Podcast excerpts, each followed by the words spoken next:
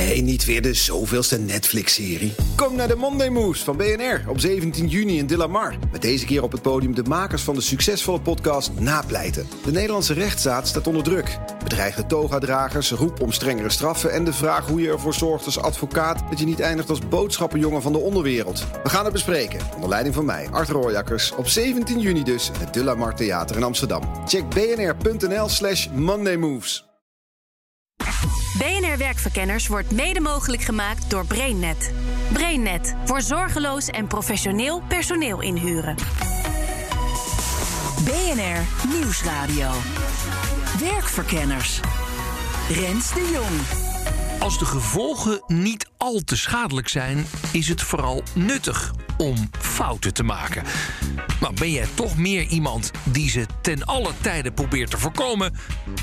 Maak je geen illusies. Je gaat onherroepelijk fouten maken. En je leert van die fouten enorm veel. En ook als ZZP'er ga je ze niet voorkomen.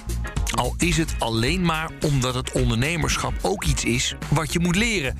En dat zou moeten door het te ondervinden. Jammer genoeg zijn er nog niet zo heel veel opleidingen waar je ondernemen echt leert. En dus zul je ook als zelfstandige dingen moeten uitproberen. Dwing jezelf als het ware om die, om die grenzen op te zoeken. Al zijn er ook wel grenzen aan wat je aan een van mijn gasten moet vragen, zo zegt hij. Als ik zijn werk vergelijk met dat van een zanger op een bruiloft. Overigens zou ik als zanger op een huwelijk, dat zou de allergrootste fout zijn. Wil je echt leren van je fouten, dan moet je ze wel opmerken en er iets mee doen. Ook al valt dat misschien niet mee. Omdat het nog niet zo makkelijk is om open te zijn over fouten. En het wel ontzettend nuttig is. Werkverkenners. Van fouten kun je leren. Nou, dat wordt er bij veel mensen al min of meer met de paplepel ingegoten. En dat is een goede grondhouding, want fouten ga je hoe dan ook maken. Daar is mijn eerste gast heel nuchter in. Ik ben Cathy van Dijk. Ik ben universitair hoofddocent uh, aan de VU, organisatiewetenschappen, veel organisatiepsychologie. En uh, ik help organisaties beter met fouten om te gaan. Is fouten maken belangrijk? Los van of het belangrijk is, het gaat gewoon gebeuren. Mm -hmm. Zeg maar, als je veel oefent, hè, dan kan je alle juiste manieren van werken aanleren. En op een gegeven moment zou je een bepaalde taak foutloos kunnen. Mm -hmm. Nou, dat is geweldig. We zien dat als experts eh, dat op een gegeven moment ook kunnen. Maar wat gebeurt er dan? Dan is het een dagje onrustig op het werk. Eh, je wordt afgeleid, er komt een telefoontje tussendoor, er gebeurt iets anders raar. En dan toch vergeet iemand die precies weet hoe het moet, toch een onderdeeltje. Ja. Dat is ook een fout. Dat is een andere fout dan een beginner. Uh, maar de gevolgen kunnen even groot zijn en even vervelend. Maar eigenlijk zeg jij fouten, dat hoort er gewoon bij. Fouten hoort er gewoon bij. Uh, maar ik hoor je ook wel zeggen, als je ergens expert in wil worden, dan zul je in ja. het leerproces fouten gaan maken. Ja, Anders je... kom je daar namelijk nooit. Precies. En vervolgens kan er nog iets gebeuren. De omgeving verandert. Uh, denk maar aan corona. Voor mm -hmm. heel veel organisaties, voor heel veel ondernemers. Uh, zijn er allerlei andere beslissingen te nemen. De strategieën die werkten, kunnen opeens niet meer. Nou, dat gebeurt altijd. Ja, en dus worden er weer nieuwe fouten Precies. gemaakt. Precies. Weer legio mogelijkheden voor nieuwe kansen. Kunnen eigenlijk deze uitzending nu al gewoon concluderen... jongens, het hoort erbij, punt. Precies, ja. het hoort erbij. Maar Klopt. het grappige is wel... heel veel bedrijven, opdrachtgevers... vinden dat fouten er niet bij horen. Ik weet niet of dat zo is. Ik, uh... nou, ik zit wel eens met een opdrachtgever en dan ja. is het. Uh, nou, praten we erover. Het gaat ook vaak over in de, in de onderhandelingen en zo. Ja, maar daar werd nog wel een fout gemaakt.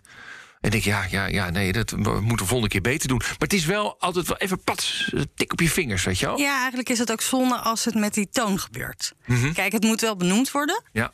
Uh, want het is altijd even een momentje waar je iets van kan leren. Het is zonde om dezelfde fout nog een keer te maken. Het is ook onnodig. Dus neem dat wel altijd mee. Maar op zich een fout, ja, ga er maar vanuit dat die erbij zitten. Mm -hmm. Uh, fout op zich is niet zo erg. Een fout op zich is ook neutraal. Waar de mensen zich zorgen over maken, zijn de gevolgen van die fout. Ja. Uh, dus een ondernemer is misschien bezorgd over de reactie van de opdrachtgever. Of een, uh, een bedrijf is bezorgd over de reactie van de klanten. Of nou, je kan van alles voorstellen. In een ziekenhuis kan het om, om, om lichamelijke schade of zelfs overlijden leiden. dus ja, dan zijn de gevolgen in potentie enorm. Maar als je er goed op voorbereid bent, als je goed alert bent, kan je samen, bijvoorbeeld als team, eh, elkaar waarschuwen en, en, en alert zijn en de fout corrigeren. Ja. Voordat je die gevolgen daadwerkelijk hebt. Jij hanteert een soort model waarin je twee assen eh, tegenover Ja, elkaar klopt. zet. En dat gaat over risico's en dat gaat over eh, onvoorspelbaarheid, toch? Onvoorspelbaarheid, ja. Ja. Onzekerheid, dynamiek. Maar Ja. onvoorspelbaarheid En een waarom heb je die twee tegen elkaar weggezet? Ja, omdat het eigenlijk wel effect heeft op welke kansen fouten bieden. Mhm. Dus je kan je voorstellen in een hoogrisicosetting, denk aan de luchtvaart, denk aan de medische zorg, denk aan een kerncentrale. Ja, dan is het wel heel gevaarlijk als er fouten optreden, want in potentie zijn de gevolgen enorm groot en enorm zwaar en negatief. Ja. Dus dat wil je niet. Mhm. Dus je bent in zo'n setting ontzettend alert op het voorkomen van fouten en alert op het optreden van fouten die je zo snel mogelijk moet corrigeren voordat de gevolgen optreden. Goed, eh, grote onvoorspelbaarheid, groot risico. Daar ga je dus enorm in de, in de controle-modus zitten. Ja, gro- groot risico ga je sterk in de controlemodus zitten. Onzekerheid of onvoorspelbaarheid, dan kan je dat eigenlijk niet. Ah, Want eh, je weet niet van alle acties precies hoe die gaan uitpakken. Je kent, zeg maar, de omgeving is zo onzeker, zo dynamisch. eh, dat je soms toch ook een beetje zult moeten uitproberen. ja, ja. Eh, dat betekent dat je. Of het gewoon niet doen als het onzeker is en hoge risico's. Ja. Dat is gewoon bij, bij, bij twijfel niet inhalen, toch? Juist, dat klopt Ja, ook wel. ja. eh, maar soms kan je niet anders. Ja, ja. En er is nog een andere manier die, eh, die kan helpen. En dat is op een kunstmatige manier het risico weghalen. Dus dat betekent een, een setting creëren die wel al die onzekere en onvoorspelbare kenmerken heeft, maar niet het risico. En de oudste die we kennen is de Flight Simulator. Maar je hebt natuurlijk in de medische setting hebben we tegenwoordig simulatielabs, simlabs. Ja. En dat zijn situaties waar je wel zeg maar een beetje de, de echte situatie nabootst, maar niet te maken hebt met de echte risico's. Nou, daar kun je natuurlijk van alles uitproberen voordat je het echte werk aangaat. Oké, en eh, een ander interessant kwadrant uit dat risico- en onvoorspelbaarheids... eh, Ja, eigenlijk zat ik daar al een beetje op. Op het moment dat je zo'n simlab creëert, of zo'n flight simulator, dan haal je dat risico weg en je behoudt eh, de onzekere of de onvoorspelbare factor. Oh ja, Nou, dan zit je in het eh, kwadrant onvoorspelbaar, laag risico. ja. Dat is een situatie waar ontzettend veel te leren is. En dat is echt een situatie waar je, nou, waar je eigenlijk moet zeggen: maak maar lekker fouten. Mijn volgende gast ziet fouten maken als voorwaarde... om het ondernemerschap onder de knie te krijgen. Mijn naam is Janne-Marie van den Groenendaal. Ik ben onderzoeker, docent en eh, nou, sinds een eh, twee jaar eh, tijd nu ook zelf ZZP'er. Heb jij het idee dat fouten maken nuttig is? Absoluut. Ja, ik denk dat fouten maken en weet je, ik denk dat het ook begint bij wat is een fout? Wanneer, wanneer doe je daadwerkelijk iets fout? En nou, als ik een bruggetje al mag maken naar, eh, naar ondernemen. Ik denk dat ondernemen ook echt eh, iets is wat je, wat je mag leren. En, en dat je het vooral, dus als je als ZZP'er begint, dat je het ook zelf mag gaan, eh, gaan ervaren. Dus ja, ik denk dat, eh, dat nou ja, fouten maken dan, daar zeker ook wel een hele belangrijke, nou, belangrijk component van is. En ook mijn laatste gast wil wel zo ver gaan dat hij fouten als absolute voorwaarde ziet om zijn vak goed en steeds beter uit te oefenen. Ik ben Jan-Jaap Indermauer. Ik ben eh, oprichter en eh, dagvoorzitter bij dagvoorzitter.nl. Wij eh, eh, koppelen dagvoorzitters en opdrachtgevers. Wij ontwerpen bijeenkomsten. Wij trainen mensen in dagvoorzitterschap en alles wat daarbij komt kijken. En wij hebben een eigen dialoogtool, eh Consens IQ. Hey, eh, fouten maken. Jij wordt ingehuurd door opdrachtgevers op zo'n dag. Ja, is heel belangrijk. Ja. Je bent toch een soort met van eh, zanger op een huwelijk. Ja, klopt. Hè, dus eh, Ja, ja. de belangrijkste dag van het jaar. Kun je je fouten veroorloven? Ja, je moet je fouten veroorloven. Dat is, dat is het hele principe van, van ons vak, bijeenkomsten leiden. Als je namelijk de veilige weg kiest, dan wordt het een hele veilige en dus weinig veranderende bijeenkomst. Ja. Eh, het, eh, weet je, als Max Verstappen eh, gaat rijden op het vermijden van fouten, wordt hij nooit wereldkampioen. En dat geldt ook een beetje voor mijn vak. Ik ga dat podium op en ik moet durven op de grens of soms net eroverheen te acteren om er een fantastische bijeenkomst van te maken. Dus je moet een beetje buiten de lijntjes kleuren af en toe. Ja, en Ja. dat betekent dat je dus bewust het risico neemt om snoeihard op je bek te gaan. Ja. Wanneer ga je dan snoeihard op je bek? Als je niet aanvoelt wat er in de zaal gebeurt, bijvoorbeeld. Heb je het wel eens meegemaakt? Ja, gelukkig niet vaak. Eh, ehm, anders was ik niet zo vaak eh, eh, meer dagvoorzitter geweest waarschijnlijk. Nee, maar ik, ik kan me een moment herinneren ooit met een bijeenkomst voor de gemeente Moerdijk... waarbij ik een bepaalde gespreksvorm bedacht had. En daar zat ik een beetje in vast, in die gespreksvorm. Wat was de vorm? Nou, het was eigenlijk heel simpel. Uh, het was een debat. En wat ik opgepikt had uit uh, wat toen nog op tv was, het programma Het Lagerhuis. Oh ja. Uh, daar gingen mensen aftellen. en ik had dus met het publiek afgesproken, dacht ik, dat we vaste gesprekslengtes zouden hebben. iedereen mocht een minuut. En de laatste tien seconden zouden wij met z'n allen aftellen. Oh ja. En dan was het ook klaar. Ja. En wat mij in mijn enthousiasme of blindheid of wat dan ook niet opviel, was dat steeds minder mensen mee gingen doen met dat aftellen. Waardoor ik op een gegeven moment in mijn eentje stond af te tellen. En ik dus iemand afkapte waar het, eigenlijk het hele publiek nog aan zijn lippen hing. Oh ja. En toen kwam men in opstand en begonnen ze te roepen dat ik maar weg moest. Oh, echt waar? Ja, echt waar. Oh jeetje. Maar, dat, maar dat is wel interessant, want dan is het. Ik ben het helemaal met je eens. Hè. Wij, wij, wij, wij, wij, wij beoefenen hetzelfde vak. Het is altijd een beetje buiten de lijntjes kleuren. Ja. Daar gebeurt het mooiste ding. Maar als je er echt buiten bent gegaan, dan is iedereen ook wel meteen boos. Ja, dat is ook zo. En Ja. dat maakt het dus dat maakt de stap om dat risico te nemen van die fouten maken dus veel groter. Mhm. Tegelijkertijd ben ik ervan overtuigd dat als je over mijn, mijn hele carrière kijkt, nou, en dan ben ik misschien één of twee keer snoeihard op mijn bek gegaan. Eh, de rest is volgens mij redelijk goed gegaan. Dus uiteindelijk betaalt het zich wel uit. Straks ga ik op zoek naar zoveel mogelijk voorbeelden. Zoals de oprichter van een advocatenkantoor. die intern zogenoemde leergeldbijeenkomsten hield. zodat iedereen van elkaars fouten kon leren. Ze zei: Ik begin altijd die leergeldbijeenkomsten met mijn fout. Want ten eerste, ik moet het goede voorbeeld geven. En ten tweede, omdat ik hier de leiding heb, is de kans dat mijn fouten grote gevolgen hebben groter dan bij collega's. Dus dan is het voor anderen meteen ook makkelijker om ook wat in te brengen. Rens de Jong. Goed, het is dus voor iedereen nuttig om fouten te maken. Als de risico's tenminste niet te groot zijn. En dus ook voor ZZP'ers. Maar die willen hun opdrachtgever natuurlijk wel tevreden houden.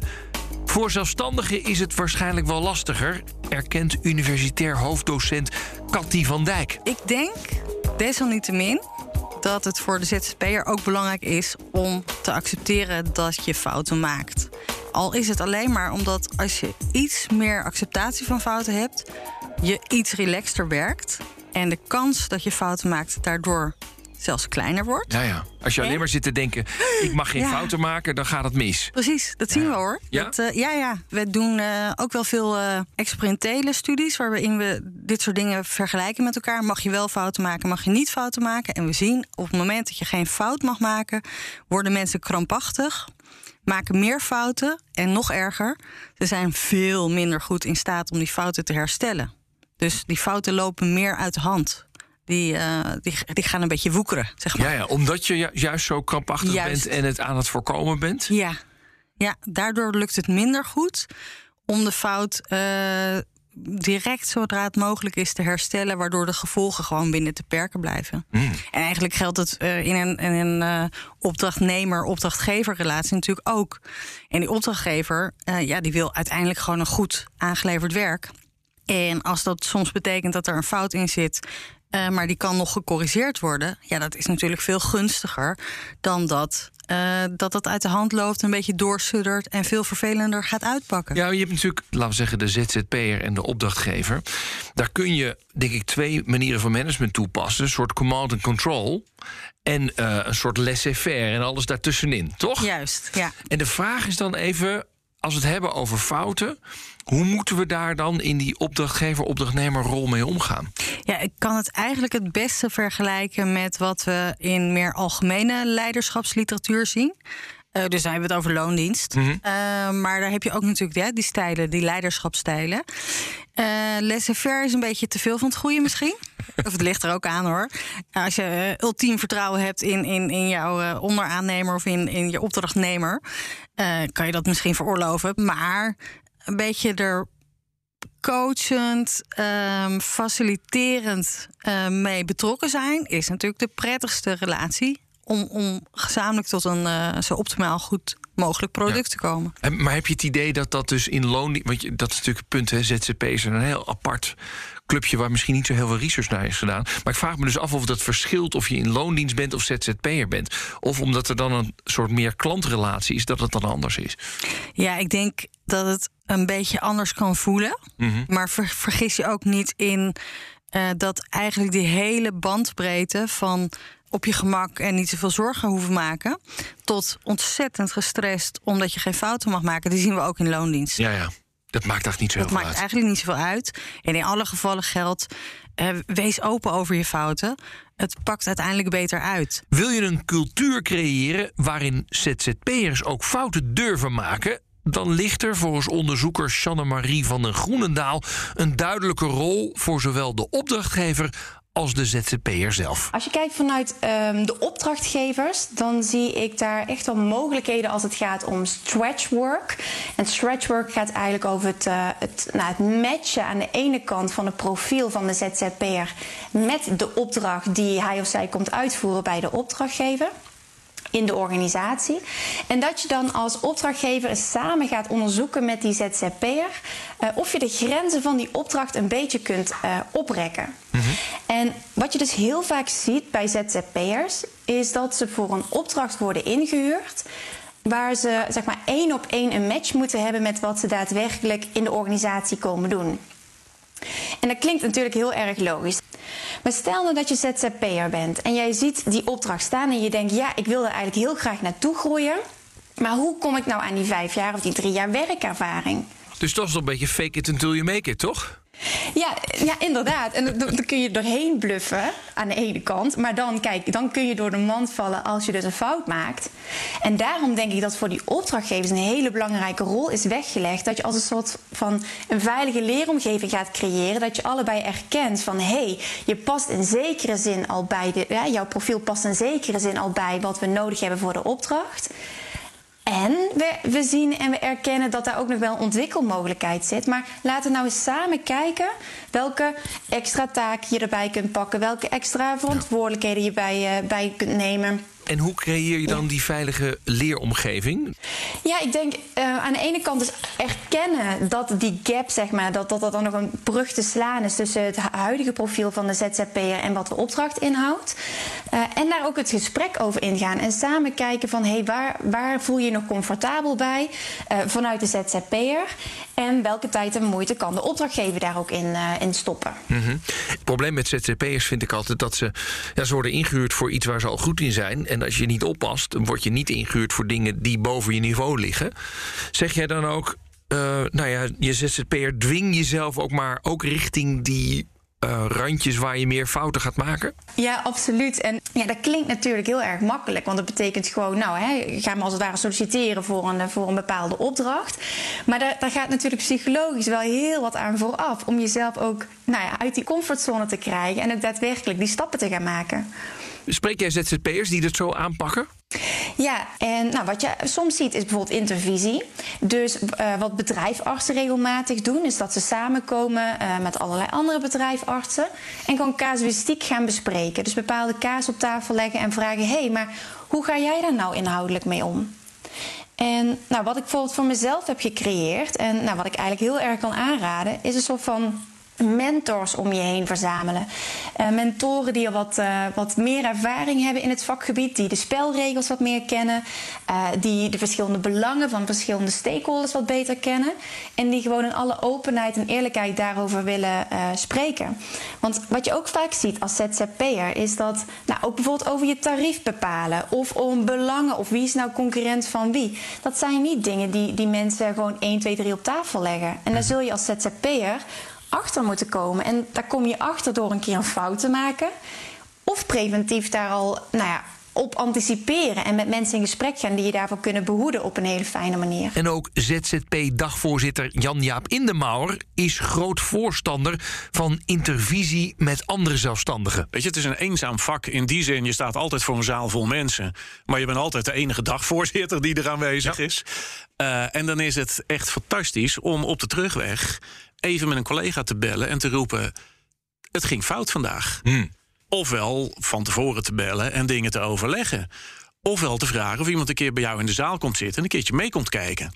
En dan kun je het met iemand erover hebben. En, en dan helpt dat, dan, dan ga je het internaliseren. Want dan kun je iemand anders kijkt dan met afstand naar jou. Ja, maar dat is natuurlijk wel lastig als ZZP'er. Normaal gesproken heb je collega's. Ja, en die, eh, dan kun je het vragen. Maar hier, jij, staat er, jij rijdt in je eentje in je auto waarschijnlijk naar een plek toe. Ja, en dan, dus, dus hoe. Ja. Nou ja, dat, dat, dat, dat moet je dus als ZZP'er moet je dat dus heel bewust gaan opzoeken. Mhm. En het is, weet je, ik bedoel, ik heb dat bureau, dagvoorzitter.nl. Dat kun je vergelijken met een sprekersbureau. En veel van die bureaus werken als dozenschuivers, even oneerbiedig gezegd. En dat zijn boekingsbureaus.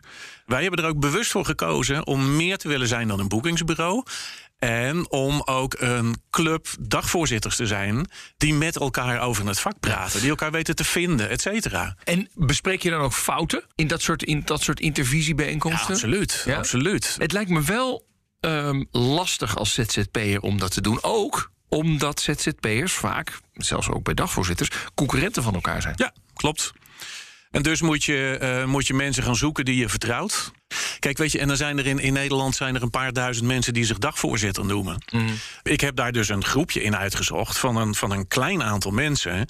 Waarvan we denken, ja, laat ik dan, dan die niet allemaal meer als concurrent blijven beschouwen. Dan gaan die van die paar duizend gaan er twintig af die ik niet meer als concurrent beschouw. Nou. Ja, maar die kan, kan, je wel heel veel van leren. Ja, en zij van mij, hoop ja, ik. Uh, en dan, dan worden wij dus met z'n twintigen of met z'n dertigen worden we beter. En dat helpt ons wel om boven de heikneuters uit te steken... die maar wat doen en die niet investeren in beter worden. En waarom zou je eigenlijk alleen van je eigen fouten kunnen leren? De fouten die mijn gasten maakten, of woorden, kunnen je wellicht ook verder helpen. Cathy van Dijk maakt in haar colleges ook dankbaar gebruik van leerzame voorbeelden. Eentje is er over de radiator van de verwarming. Nou, zeg hier in de studio of in mijn leslokaal, collegezaal. Ik draai die de verkeerde kant op. Ik wil het kouder hebben, maar ik zet hem open per ongeluk. Nou, wat zijn de gevolgen? Ja, iedereen begint een beetje te zweten. Ja, draai ik hem terug, alles geregeld. Ja. Dezelfde fout is in 1996 op de top van Mount Everest gemaakt. Door iemand die zuurstof wilde bewaren, omdat hij wist dat hij nog even moest wachten met afdalen. Dat is iets heel anders. Ja. Maar die fout is exact hetzelfde. Ja, dus dat heeft met de context te maken. Dat heeft met de context. Mount Everest is een hoog risicosetting. Een collegezaal of een radiostudio, eh, daar is het allemaal wat minder erg als een knop de verkeerde kant op gaat. Heb je zelf wel eens geblunderd waarvan je zegt, nou daar kijk ik nu dankbaar op terug? Ja, eentje, al was het alleen maar omdat hij zo leuk is voor mijn colleges. Ik ben een keer, het is 15 jaar geleden denk ik, auto, oude auto. Ik had een beetje haast, moest nog telefoneren, moest mijn olie checken, deed dat, kon nog wel wat bij oliefles was bijna leeg. Die zette ik omgekeerd op het motorblok, zodat hij lekker leeg kon druppelen. Mm -hmm. En ik telefoneerde, telefoontje was klaar, olie was leeg gedruppeld. Dus ik pak die fles eraf, doe de dop op de fles, gooi hem in de prullenbak, motorkap dicht, hup, naar Utrecht. Ja. En op de terugweg hoorde ik echt een geluid, mijn hele motor liep vast.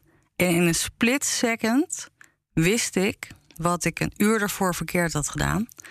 Ik had wel de dop teruggedaan op de lege oliefles, maar niet de dop op het motorblok. Ja. En auto naar de sloop. Ja, auto naar de sloop. En dat is omdat de omstandigheden even veranderd waren. Je was afgeleid. Ik was afgeleid. Ja. Ik dacht dat ik lekker efficiënt bezig was. Jeanne-Marie van de Groenendaal vraag ik of ze zelf makkelijk over fouten praat. Als ik heel eerlijk ben, ik vind, ik vind dat wel lastig. Uh, ik merk ook dat ik daar uh, uh, ook even de tijd voor nodig heb. Dus als ik, als ik voel van, hé, hey, hier heb ik iets niet goed gedaan... dat het ook echt gewoon, zeg maar, draining kan zijn qua energie. Dat je daar echt even voor opgeslopt wordt. En wat mij dan heel erg helpt, is echt even pas op de plaats. En, en ook even proberen je agenda even leeg te maken. Um, dat je daar ook even echt bij stil kan staan. Want als je weer van de ene naar de andere klus doorhobbelt, ja, wat leer je dan uit daadwerkelijk van die fout? Dus echt reflectiemomenten inbouwen als ZZP'er zelf is onwijs belangrijk. En praat je er ook over met andere ZZP'ers? Absoluut, absoluut. Ga ook zeker andere ZZP'ers opzoeken, al dan niet in je eigen vakgebied, om over dat ondernemerschap te praten. En nou ja, ik woon samen met uh, een freelance kok, ook ZZP'er. En hij zit helemaal niet in dat consultancywereldje. Uh, maar hij heeft er zo'n andere kijk op ondernemen, ook omdat hij hele andere diensten aanbiedt, dat ik denk: hé, hey, maar zo had ik het nog niet bekeken. Dus ga ook zeker gewoon met, met ondernemers in het algemeen in gesprek. Wat is de grootste fout die jij hebt gemaakt, waar je veel van geleerd hebt? Gelukkig heb ik voor mijn gevoel nog geen hele grote fouten gemaakt. Um, het begon heel klein met dat ik gewoon heel uh, enthousiast mijn facturen ging nummeren. En dat ik totaal niet door had dat je daar uh, dat, dat, dat maar oplopend moest zijn. Ja. En toen zei mijn vriend van, hé, hey, wat zien jouw facturen er toch raar uit? Ik zei, hoezo dan? Nou ja, weet je, dat, dat is allemaal nog wel te herstellen. En nou ja, waar ik nu bijvoorbeeld wel in aan het ontwikkelen ben, is ook weer je prijsbepaling. En uh, nou, weet je, in het begin denk je ook van ik wil mijn prijs noemen. En dat betekent ook dat ik hem moet kunnen dragen. Maar na verloop van tijd ontwikkel je natuurlijk in je expertise, in je, in je ondernemer zijn. En ga je dus ook je tarieven kunnen gaan verhogen, omdat je ook gewoon veel meer waarde te bieden hebt. Maar ja, hoe doe je dat dan? En wat doe je dan met mensen die je eerder gesproken hebt en bijvoorbeeld al een keer eerder je lage tarief aan het uitgesproken? Hoe ga je dat dan, hoe pak je dat aan? En nou, heel eerlijk, ik weet niet of dat per se een fout is, maar dat is wel iets waar je als ondernemer over na mag denken. En Jan-Jaap Indemauer die praat juist met groot enthousiasme over zijn eigen blunders. Ik heb de, de luxe gehad dat bij echt mijn allerslechtste optreden ooit... dat er een collega in de zaal zat. Oh. Ja. die, die, die, die, zei van, wat jammer dat ik nou juist bij deze bijeenkomst moet... En ik zei, nee, ik vond het fantastisch dat je er nu bent... Want jij hebt gezien wat er gebeurt. En wat kreeg je dan, wat kreeg je dan terug wat je niet, dat je er zelf niet uit had kunnen halen? Ik denk uiteindelijk de keiharde slotconclusie. Die namelijk was dat ik de bijeenkomst in was gegaan met het idee dat ik het wel wist. Oh ja. Er zit zo'n, als je naar, naar de opbouw van je, van je leercurve kijkt, dan komt er een soort moment in het begin, weet je dat je niks weet. En dan ga je heel veel doen en dan leer je steeds. En er komt een moment dat als je even niet goed oplet, en dat had ik gedaan, even niet goed opletten, dat je over het hoofd ziet dat je gemakkelijk begint te worden. Dan denk je, mm. ik weet het. Ja. Ik kan dit. Ja. Ik ben hier goed in. Hoera. En, en dat was een hele pijnlijke uh, uh, ervaring. Maar dat betekent wel dat ik de jaren daarna dus ook weer ben gaan groeien en weer beter ben geworden. Ja. Omdat ik even die wake-up call had gekregen. Ik heb wel gehoord dat jij een keer vergeten bent een spreker aan te kondigen. Ja, klopt. Sorry, maar ik was gewoon de hele spreker vergeten. Ja, maar hoe kan dat? Ja, um, um Sorry hoor, maar. het, is, het is alsof, alsof een Formule 1-coureur zegt: Oh, moeten er, moeten er vier.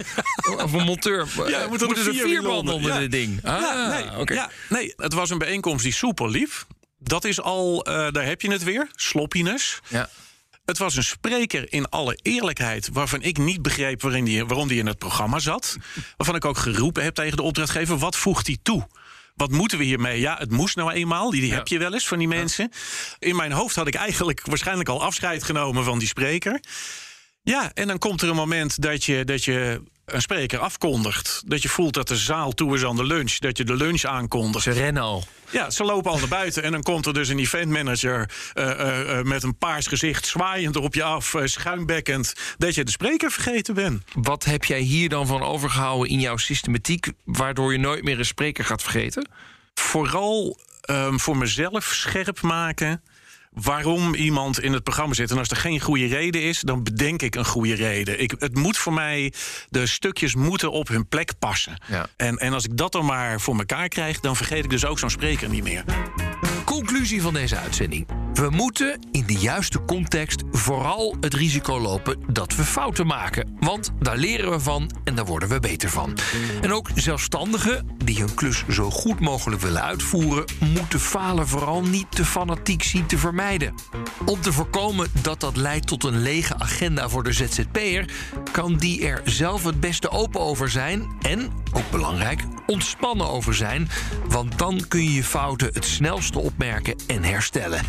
En de opdrachtgever moet zich dit realiseren als de zelfstandige het gevoel heeft dat hij risico's mag nemen en eventjes de mist in mag gaan, dan levert hij of zij uiteindelijk waarschijnlijk beter werk op.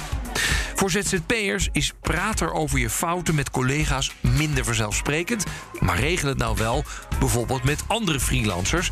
Want door over je fouten te praten en van elkaar te horen waar het misging, leer je nog veel meer van je eigen missers. Dit was Werkverkenners voor deze week. Volgende week dan krijg je weer een verse op dinsdag om half vier. En in je podcast-app kun je hem op ieder moment terugluisteren. Tot de volgende keer. Dag. BNR Werkverkenners wordt mede mogelijk gemaakt door BrainNet. BrainNet voor zorgeloos en professioneel personeel inhuren. Ook Harm Edens vind je in de BNR-app. Je kunt BNR Duurzaam niet alleen live luisteren in de app, maar ook terugluisteren als podcast, zoals al onze podcasts. En naast dat de BNR-app Breaking News meldt, houden we je ook op de hoogte van het laatste zakelijke nieuws. Download nu de gratis BNR-app en blijf scherp.